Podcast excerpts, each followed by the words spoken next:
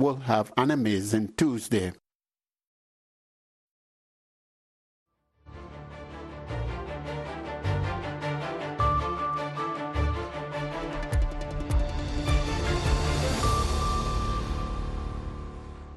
subax wanaagsan dhegeystayaal dhammaantiinba kuna soo dhowaada idaacadda subaxnimo ee laanta afka soomaaliga ee v o a oo idinkaga imanaysa magaalada washington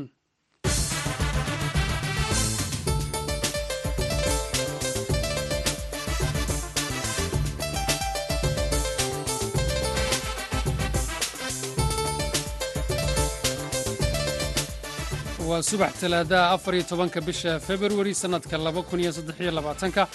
Waxaanaad naga dhegaysanaysaan mawjadaha gaaggaaban ee lix iyo tobanka iyo sagaal iyo tobanka mitriban efemyada magaalooyinka geeska afrika qaarkood iyo boggeenna internetka v o a somaali com. Saacadda afrikada bari haatan waa lixdii iyo barhkii aroornimo.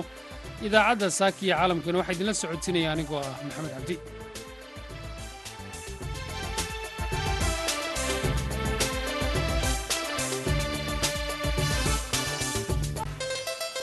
qodobadaad ku maqli doontaan idaacaddeenna saaki iyo caalamkana waxaa ka mida kalfadhiga afraad ee baarlamaanka dowladdeegaanka soomaalida oo ka furmay magaalada jigjiga adeedaha koowaad waxa weeyaan hadal qoraaleedkii kalfadhigii hore inaynu ansixino kow? Ajendaha labaad waxa weeyaan soo jeedinta iyo dhegeysiga warbixinta waxqabadka xukuumadda. Ajendaha saddexaadna waa bayaano. Bayaanadaas oo kale ah bayaanka waxkabedelka bayaanada dib loo habeeyey ee xafiiska waxaad sidoo kale dhegaysan doontaan culimaa udiinka soomaalida ee dalka kenya oo ku baaqay in nabad lagu dhammeeyo colaadda ka socota magaalada laascanood dalka kanada oo soo gaabiyey muddadii shaqaalaha daryeelka bulshadu ay ku heli karayeen sharciga degganaanshaha ee dalkaasi qodobadaasi iyo kuwo kaloo caalamka ka mida ayaad maqli doontaan marka horese warkii dunida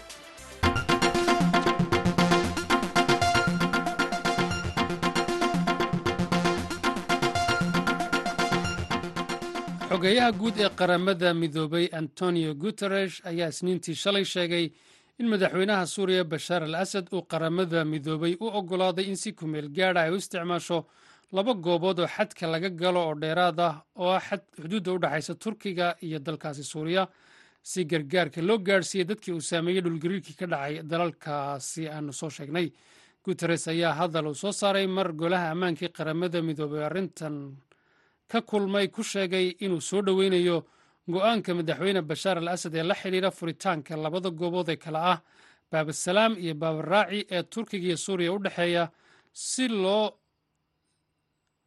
si xilligii loo baahan yahay loo gaadhsiiyo gargaarkii bini'aadanimada hadalkan ayaa yimid kadib saacado markii madaxa xafiiska qaramada midoobay arrimaha bini'aadanimada martin griffith uu magaalada dimashaq kula kulmay madaxweyne al asad iyo saraakiil kaleo reer suuriya ah halkaas oo maalmihii la soo dhaafay ugu baaqayey maamulka suuriya inuu furo xadka si gargaarka bini'aadanimo loo gaadhsiiyo dadka u baahan.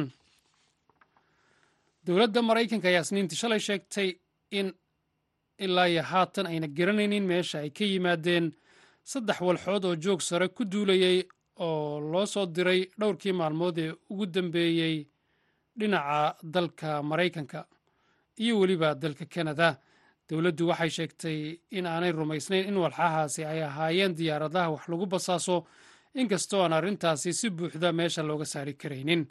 Afhayeenka golaha amniga qaranka ee maraykanka john kirby ayaa u sheegay saxufiyiinta aqalka cad in walxahaasi aanay u muuqanin kuwa awood u leh inay wax basaasaan hase ahaatee aanay arrintaasi meesha ka saari karin. Waxa uu sheegay in hadhaaga walxahaasi ay ku soo dhaceen goobo aad uga fog oo ay adag tahay in la gaadho gaar ahaan meelo aad u baraf badan oo ku yaalla xeebaha gobolka alaska ee waqooyi galbeeda dalka maraykanka iyo deegaanka yukon oo kanada ah iyo harada horon oo ku taalla xuduudda maraykanka iyo kanada wasiirka gaashaandhig ee maraykanka ayaa sheegay inaanay guulaysanin inay soo saaraan waxyaabahaasi soo dhacay kadib qaraxii loo geystay. Intaasina waxaa ku eg warkii caalamka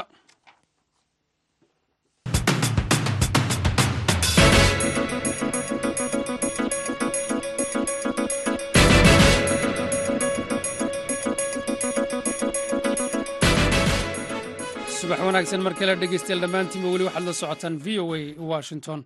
Magaalada jigjiga ayaa waxaa ka furmay kalfadhigii afraad ee golaha lixaad ee baarlamaankan dowlad deegaanka soomaalida etoobiya kulankii shalay ayaa lagu ansixiyey ajendayaal kala duwan. Halka maanta su'aala lagu weydiin doono madaxweynaha ismaamulka soomaalida mustafe maxamed cumar warbixin arrintaasi ka hadlaysa waxaa magaalada jigjiga ka soo diray wariyaha v o eda maxamed cabdiraxmaan ugaas gata kalfadhigan oo ahaa kalfadhigii afraad ee golaha lixaad ee xildhibaanada dowladdeegaanka soomaalida ayaa ka furmay magaalada jigjiga ee caasimada dowladdeegaanka soomaalida iyadoo kalfadhigan ay soo xaadireen xildhibaano dhan laba boqol soddon iyo laba xildhibaan waxaana kalfadhigan furtay afhayeenka golaha xildhibaanada dowladdeegaanka soomaalida ayaan cabdi maxamed oo ugu horreyntii xaqiijisay in kooramku uu buuxo. Qodobka sideed iyo tobnaad qarabka saddexaad ee tirsiga xeerdhibaan aan ka shaqeeyo anshaxa xubnada farqa koowaad labada kun iyo laba kooramku wuu inoo buuxaa waxaana fadhiya xildhibaano laba boqol soddon iyo laba xildhibaan. Kalfadhigeenina sidaas ayuu inoogu furan yahay kadib markii ay xaqiijisay marwe ayaan cabdi maxamed in kooramku uu buuxo. Waxay soo jeedisay ajendayaasha hor yaalla kalfadhiga waxaan u gudagelaynaa ajendayaasheenii. Ajendayaasheenu waa saddex ajende si guud waad haysataan ajendaha koowaad waxa weeyaan hadal qoraaleedkii kalfadhigii hore inaynu ansixino kow. Ajendaha labaad waxa weeyaan soo jeedinta iyo dhegeysiga warbixinta waxqabadka xukuumadda ajendaha saddexaadna waa bayaano. Bayaanadaas oo kale ah bayaanka wax kabedelka bayaanada dib loo habeeyey ee xafiiska fulinta d d s bayaanka bayaanka labaadna waxa weyaan bayaanka wax kabedelka maamulka maaliyadeed bayaanka saddexaadna waxa weyaan bayaanka wakaalada adeega biyaha iyo dareeraha bayaanka saddexaadna waxa weyaan bayaanka miisaaniyadda daynta ah bayaanka shanaadina waxa weyaan bayaanka maamulka ururka bulshada ee rayidka ah. Marka waa shantaa bayaan si guud marka ajendayaasheena si guud aanu ansixino saddexdan ajende inta ogol gacanta taag dejiya inta ka aamustay inta diidan ayaa ajendaheena saddexdeena ajende si guud ugu ansixeen. Soo jeedinta ajendayaashaasi hor yaallay golaha xildhibaanada. Waxay goluhu cod buuxa ku ansixiyeen. Ajendayaashan intaasi kadib waxaa la gudagalay ansixinta bayaanada kala duwan oo uu soo jeediyey axmed xaaji samatar oo ah wasiirka xafiiska cadaaladda dowladdeegaanka soomaalida si uu faahfaahin uga siiyo bayaanadan xildhibaanada. Sida caadiga ah bayaanadan markii xafiisyada ay ka yimaadeen baahidoodu waxaan marinay in khabiiro iyo aqoon iswadaarsi lala yeesho meelaha ay khusayso isla markaasna daraaftii koowaad la sameeyo. Waxaan kaloo samaynay diyaarintii koowaad iyo doodihii koowaad oo aan la yeelanay stakeholderkii cidday khusayso. Waxaan kaloo samaynay in aan golaha fulinta iyo dowladda deegaanka soomaalida ay ka doodaan isla markaana falanqeeyaan soona baasgareeyaan waxaan kaloo oo marinay guddiyada joogtada ah ee golaha xildhibaanada inay si fiican uga doodaan wixii talooyin oo ay bixiyeenna sideedii ayaa loo qaatay. Kadibna waxaa hadalka qaatay qaar ka mid ah xildhibaanada dowladdeegaanka soomaalida oo iyagu ka dooday sidoo kalena talabixinno ka bixiyey bayaanadan kala duwan. Bayaanka aad iyo aad buu mahadsan yahay maxamed cabdiraxmaan gaata oo warbixintaasi inooga soo diray magaalada jigjiga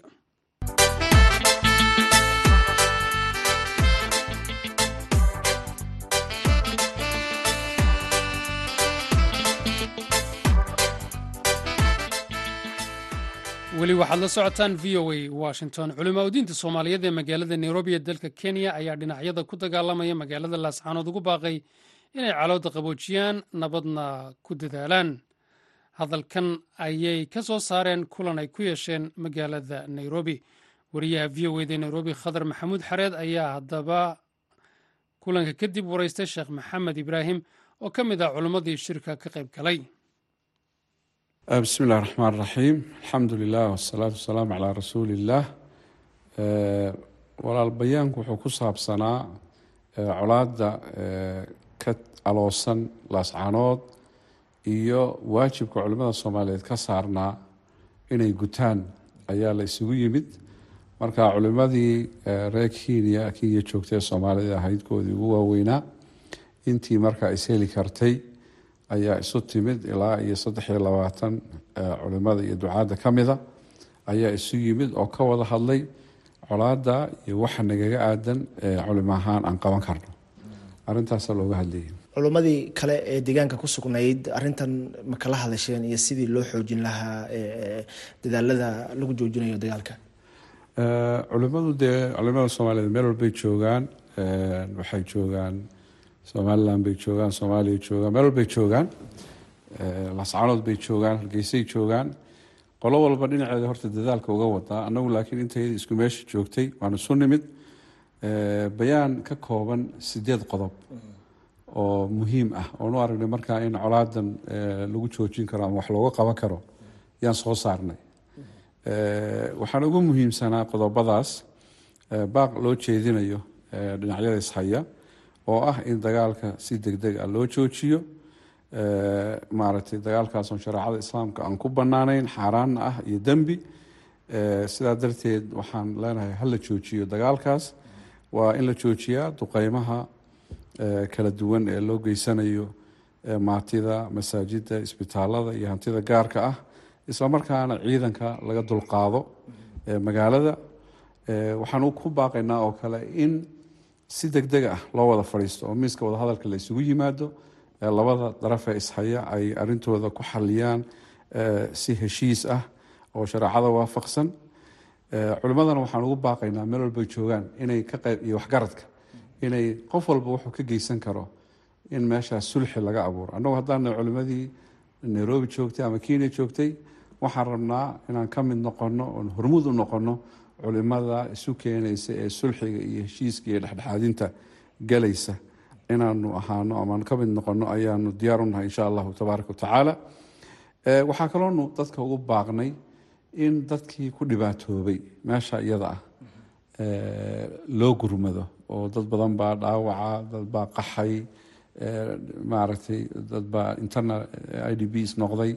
Marka dadka in loo gurmado soomaalida meel walbay joogaan baan ugu baaqnay masaajidda u kacaan. Waxaanan sameynay guddi farsamo oo loogu talagalay taakulaynta in maaragtay si hawshii camali u noqoto. Ayaanu guddi noocaasana waan sameynay marka ugu dambaystiin ummadda soomaaliyeed waxaan ugu baaqnay inay maaragtay midoobaan oo wada jiraan oo maaragtay waxaan ka dignay oo iyana aada iyo aada muhiim u ah dadka social mediaha ka hadlaya iyo xitaa labada daraf ee ishaya hadallada xanaftale ay ku hadlayaan iyo colaadda ay sii horinayaan inay ka waantoobaan oo aysan dadka sii kala fogeynin arrintaasina waa arrin aada iyo aada muhiim u ah.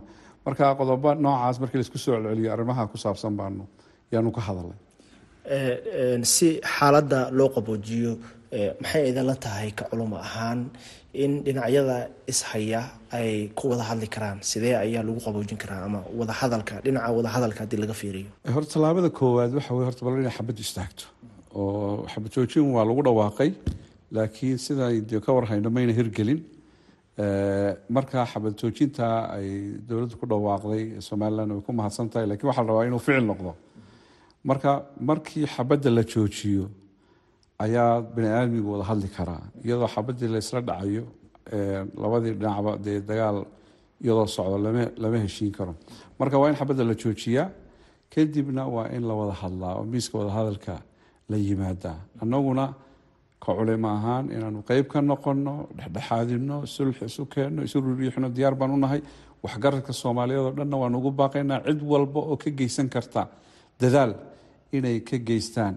Dadka halkaa jooga waa dad aqoon iyo garasho leh labada dhinacba oo maaragtay inay markaa arrintan la dejiyo la qaboojiyo.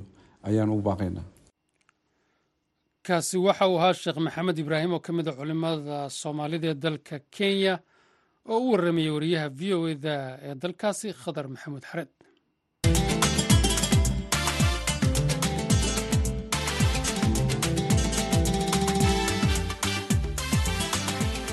subax wanaagsan mar kale dhegeystayaal dhammaantiinba dadka u dhaqdhaqaaqa xuquuqda aadamaha iyo mucaaradka dalka uganda ayaa si adag u diiday go'aanka dowladdu ay ku xidhayso xafiisyada xuquuqda aadamaha qaramada midoobay ee dalkaasi fadhigoodu yahay. Wariyaha v o eda xaliima cuthmaani ayaa warbixintan ka soo dirtay uganda. Falastiin axmed iimaan ayaa inoo soo koobaysaa xafiiska hay'adda xuquuqda aadanaha ee qaramada midoobay ee magaalada kambala ayaa waxaa la sameeyey sannadkii si uu uga shaqeeya xaaladda xuquuqda aadanaha ee dalkaas gaar ahaana dhulka ay colaaduhu xilligaasi ka jireen ee waqooyiga iyo bariga uganda. Balse markii dambe waxaa lagu ballaariyey dalka oo dhan. Bishan sagaalkeedii ayaa ogolaanshihii sharci howleedkooda hay'addani uu dhammaaday kadib saddex sano oo dowladdu ogolaanshiyo ay u saxiixday. Dowladda ayaa qoraal ay soo saartay saddexdii bishan iyana ku sheegtay in aysan dib u cusboonaysiin doonin in loo ogolaado hay'adan xuquuqda aadanaha ee qaramada midoobay inay ka shaqayso uganda iyadoo sababna uga dhigtay in dalkaasi ay nabdi ka jirto uuna hadda leeyahay hay'ado sal adag oo xuquuqda aadanaha iyo bulsho rayidba isugu jira kuwaasoo ilaalin kara dhiirigelin kara lana socon kara xaaladda xuquuqda aadanaha ee dalka. Balse hay'adaha xuquuqda aadanaha ayaa arintan diiday. Livington sawana wuxuu u dhaqdhaqaaqaa xuquuqda aadanaha wuxuuna leeyahay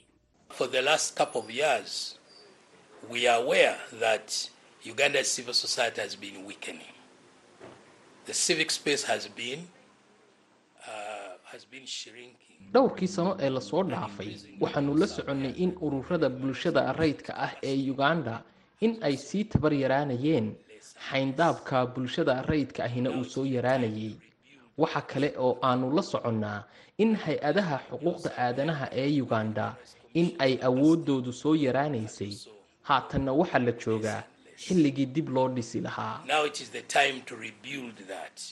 bishii labaatanka kadib doorashadii guud ee uganda bobi wine hogaamiyaha mucaaradka ee xisbiga n u p ayaa waxa uu cabasho u gudbiyey xafiiska xuquuqda aadanaha ee qaramada midoobay ee kambala cabashadan ayaa waxay ahayd in laga dhiidhiyo xadgudubyada xuquuqda aadanaha iyo xariga sharci darrada ah ee loo geysanayo taageerayaashiisa doorashada oo uu ku guuleystay madaxweynaha muddada xafiiska soo jooga yuveri museveni. Wariyaashii tabinaya cabashada hogaamiyaha mucaaradka u gudbiyey xafiiska xuquuqda aadanaha ee qaramada midoobay ayaa lagu horgaraacay albaabka hay'adda. Isagoo la hadlaya v o e da bobi wine wuxuu sheegay in weli xariga sharci darrada ah uu socdo wuxuuna xusay in xisbigiisa uusan kalsooni ku qabin xafiiska xuquuqda aadanaha ee uganda inay cadaalad u keenaan dhibanayaasha iyo qoysaskooda I don't think any Ugandan should be surprised. That is General Museveni's modus operandi. Whenever he... lama yaabin mana filayo in qof reer uganda ahi uu la yaabayo taasi waa qaabka uu u shaqeeyo genaraal museveni mar walba oo loogu baaqo isla xisaabtan ku aadan xadgudubyada xuquuqda aadanaha waxa uu u jawaabaa si hanjabaad leh oo adag safiirka maraykanka ee uganda oo ka falcelinaysa xirista xafiiska xuquuqda aadanaha ee qaramada midoobay ayaa sheegtay in muwaadiniinta laga rabo inay hubiyaan in la ixtiraamo xuquuqda aadanaha. Natalia brown safiirka maraykanka ee uganda ayaa waxay tiri There are many, many ways to protect um, those rights. They can be enshrined in law, but we have to uphold the law and we have to. Uh, waxaa jira wadooyin badan oo xuquuqda aadanaha lagu ilaalin karo waxaa ka mid a sharciga balse waa in la ixtiraamaa sarena loo qaada sharciga waana in lagula xisaabtamaa ciidamada ammaanka mas'uuliyiinta la doortay iyo madaxda sare ee hogaanka dalka marka lagu xadgudbo xuquuqda dadka dowladda uganda waxay sheegtay in marka laga soo tago xirista xafiiska qaramada midoobey ee kambala in ay sii wadi doonaan la shaqaynta hay'adda iyo saraakiisha xuquuqda aadanaha xafiisyadooda dibadda gaar ahaana xarunteeda geneva. Aad iyo aad bay umahadsan tahay falastiin axmed iimaan oo inala socodsiinaysay warbixintii wariyaha v o eda xaliima cuthmaani ay ka soo dirtay dalka uganda. Halkaad ka dhegeysanayseena waa v o a washington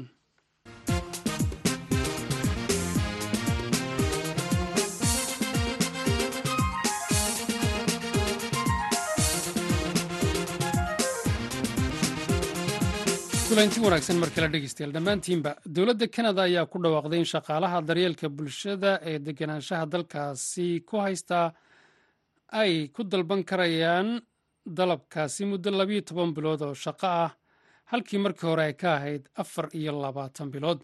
Waa shaqaalaha daryeelka bulshada ayaa soo dhoweeyey tallaabadan sidoo kale arrintan ayaa imanaysa xili dhowaanahan dalka kanada laga soo sheegayo in shaqaalo yari ay ka jirto wariyaha v o ed ee dalkaasi xuseen nuur xaaji ayaa warbixinta noo soo diray. Shaqaalaha daryeelka bulshada ayaa ah kuwa xanaaneeya carruurta dadka da-da ah dadka la liita cudurrada raaga iyo kuwa qaba baahiyada gaarka ah. Wasiirka wasaaradda soogolootiga iyo arrimaha qaxootiga kanada shon fraiser iyo xildhibaanada baarlamanka federaalk ee kale ah salma zahid iyo regi valdes oo arrimahan u oleynayay ayaa toddobaadkii hore ku dhawaaqay isbeddelka isbeddelkan ayaa dhaqan gelaya soddonka bisha abriil ee sanadkan markaasoo shaqaalaha haysta laba iyo toban bil oo khibrad shaqo ah ay xaraysan karaan deganaanshaha kanada. Wasiirka soogolootiga iyo arrimaha qaxootiga kanada shen fraiser ayaa qoraal lagu daabacay bogga rasmiga ah ee dowladda ku yiri shaqaalaha daryeelka bulshadu waxay muhiim u yihiin qoysaska kanada waxayna kaalin muhiima ka cayaarayaan koritaanka da-yarta iyo daryeelka dadka da-da ah iyo kuwa qaba baahiyada gaarka ah dhimista halka sano ee deganaanshaha shaqaalaha daryeelka bulshada ayuu ku sheegay inay sahli doonto in shaqaalahaasi iyo qoysaskoodu ay si rasmi ah u degaan kanada. Xildhibaan salma zaahid oo laga soo doorto scarborough center ayaa dhankeeda sheegtay in shaqaalaha daryeelka bulshadu ay muhiim u yihiin qoysaska kanada waxay intaasi ku dartay inay sharaf u tahay inay dadkaasi siiyaan waddo ay ku heli karaan inay si rasmi ah degaan ugu noqdaan dalkan regi valdes oo ololaha lagu xaqiijinaya arrinkan qeyb ka ahayd lagana soo doorto xaafadda misssaga streetsville ayaa tilmaantay in tan ay tahay mid ka mid a dhowr waddo oo loogu mahadnaqi karo shaqada adag iyo dadaalka ay muujinayaan dadka ka shaqeeya daryeelka bulshada. Inkastoo soomaalidu ay ka mid yihiin kuwa bixiya adeegyada daryeelka bulshada haddana uma badna dadka shaqaale ahaan loo keeno dalkan. Dadka qaar ayaa arrinkan u sababeeyey baasboorka soomaaliga ah oo aanan sahlanayn in lagu helo fiise shaqo balse taa beddelkeed soomaalida qaar ay ku yimaadaan shaqaalo ahaan iyagoo sita baasaboorada dalalka dariska ah laakiin ma jirto xog rasmi ah oo ay dowladda kanada ama hay'ad madax bannaan ku sheegtay jiritaanka arrinka la xiriira baasaboorka suuban faytaan oo ah kalkaaliso caafimaad oo ka shaqeysa magaalada toronto ayaan weydiiyey sida ay u arkaan fursadan cusub ee la siiyey shaqaalaha daryeelka bulshada arrinkaa arrin fiican waa bogaadin leh dowladda kanadana way ku mahadsan tahay maadaama ay aragtay culeysyada ka haysta dhinaca caafimaadka iyo daryeelka oo aada loogu baahan yahay in howlaha ay hore u socdaano. Labaatan iyo afar bilood hadday ka soo yareeyeen ay ka dhigeen laba iyo toban bilood wax aada u fiican siduu u dhacay covidkana waxaan galnay anaga dhan cariiri badan howlo badanaa dib u dhacay. Marka waa wax fiican inay shaqaalo kasta oo daryeel bulshadeed lah kuwa caafimaadka kaliix ma aha. Wax kastoo bulshada wax u taraayo in sida ugu dhaqsaha badan loo siiyo sharci oo loo helo gacan anagana caawinto. Ilaa wadankii waa u baahan yahay caawinaad dhinaca caafimaadka weliba. Dadka soogolootiga ah oo soomaalida ay ku jiraan ayaa kaalin mugleh ku leh horumarada iyo dhaqaalaha dalkan. Sida uu qabo farxaan cali jimcaale oo ah madaxa dahabo accountant and tax assistant oo loo soo gaabiyo data. Sidoo kalena farxaan wuxuu ka faalloodaa arrimaha dhaqaalaha kanada. Xuseen waa mahadsan tahay dadka socotada ah canada waxay ku leeyihiin door weyn oo taariikh ah. Ama dhinaca dhaqaalaha siyaasadda arrimaha bulshada dhan kasto.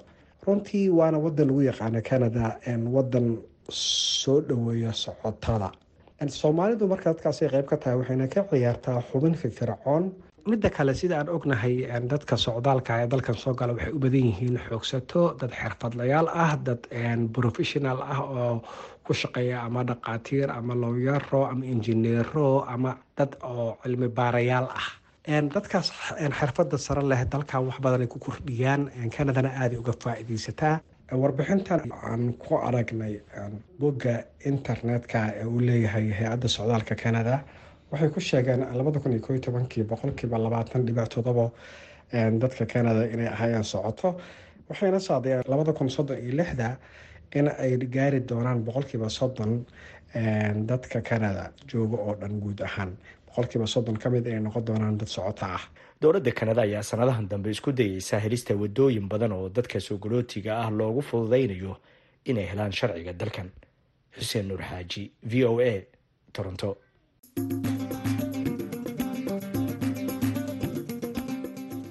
subax wanaagsan markii la dhegeystay lamaantiinba weli waxaad la socotaan v o a washington. Intaynaan u gelin dhinacii heesaha wararkii caalamka. Mid aan idinka xasuusiyo. Xogeyaha guud ee qaramada midoobey waa qaramada midoobay antonio guteresh ayaa isniintii shalay sheegay in madaxweynaha suuriya bashaar al asad uu qaramada midoobay u ogolaaday in si kumeel gaad ay u isticmaalaan laba goobood oo xadka laga galo waddamada suuriya iyo turkiga si gargaar loo gaadhsiiyo dadkii uu saameeyey dhulgariirkii ka dhacay dalalka turkiga iyo suuriya. Guteresh ayaa hadal uu soo saaray mar golaha ammaanka ee qaramada midoobay oo arrintan ka kulmayey ku sheegay inuu soo dhoweynayo go'aanka madaxweyne bashaar al asad ee la xidhiira furitaanka labada goobood ee kala ah baabasalaam iyo baabaraaci ee turkiga iyo suuriya u dhexeeya. Si xilligii loo baahnaa loo gaadhsiiyo gargaarka bini'aadinimo dadka u baahan. Hadalkan ayaa yimid kadib saacado markii madaxa xafiiska bini'aadanimada ee qaramada midoobay martin griffith uu magaalada dimashik kula kulmay madaxweyne al asad iyo saraakiil kale oo reer suuriya ah. Haatanna dhinacii heesahan idinku duwo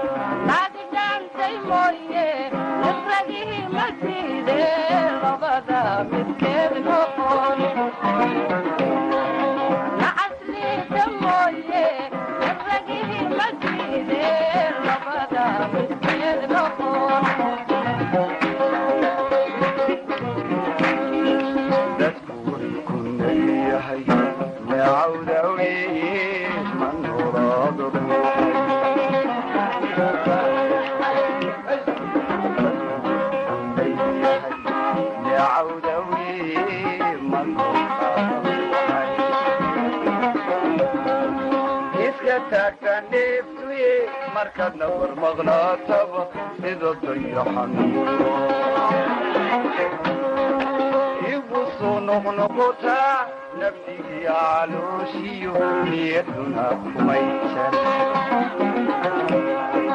walicalle kumaan abiibatanay waxay tahay naftu wahaaliye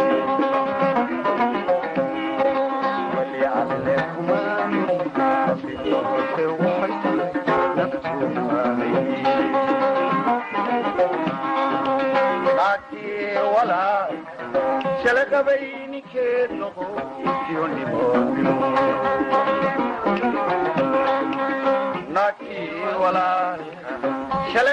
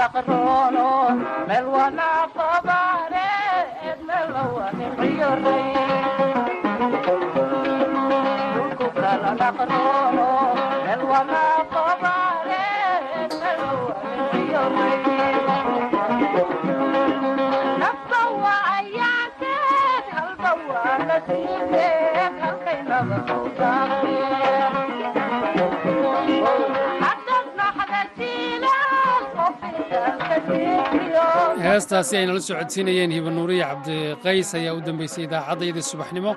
Inta haddii la idhaahdo inu idaacadaha soo socda mar kale dib ugu kulmi doono anigoo maxamed cabdi iyo bashiir abikaro dhinaca farsamada ahaa iyo dhammaan saaxiibada v o idinle sidaas iyo subax wanaagsan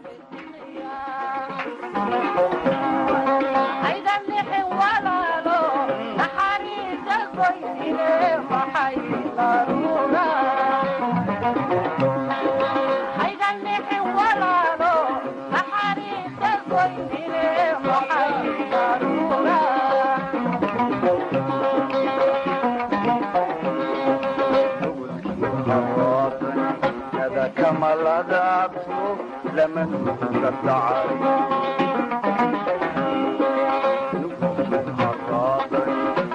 كما لا لمن ضعيف ولا كان عيسى مرت علينا كيدش نيوش إلا كي كفاشر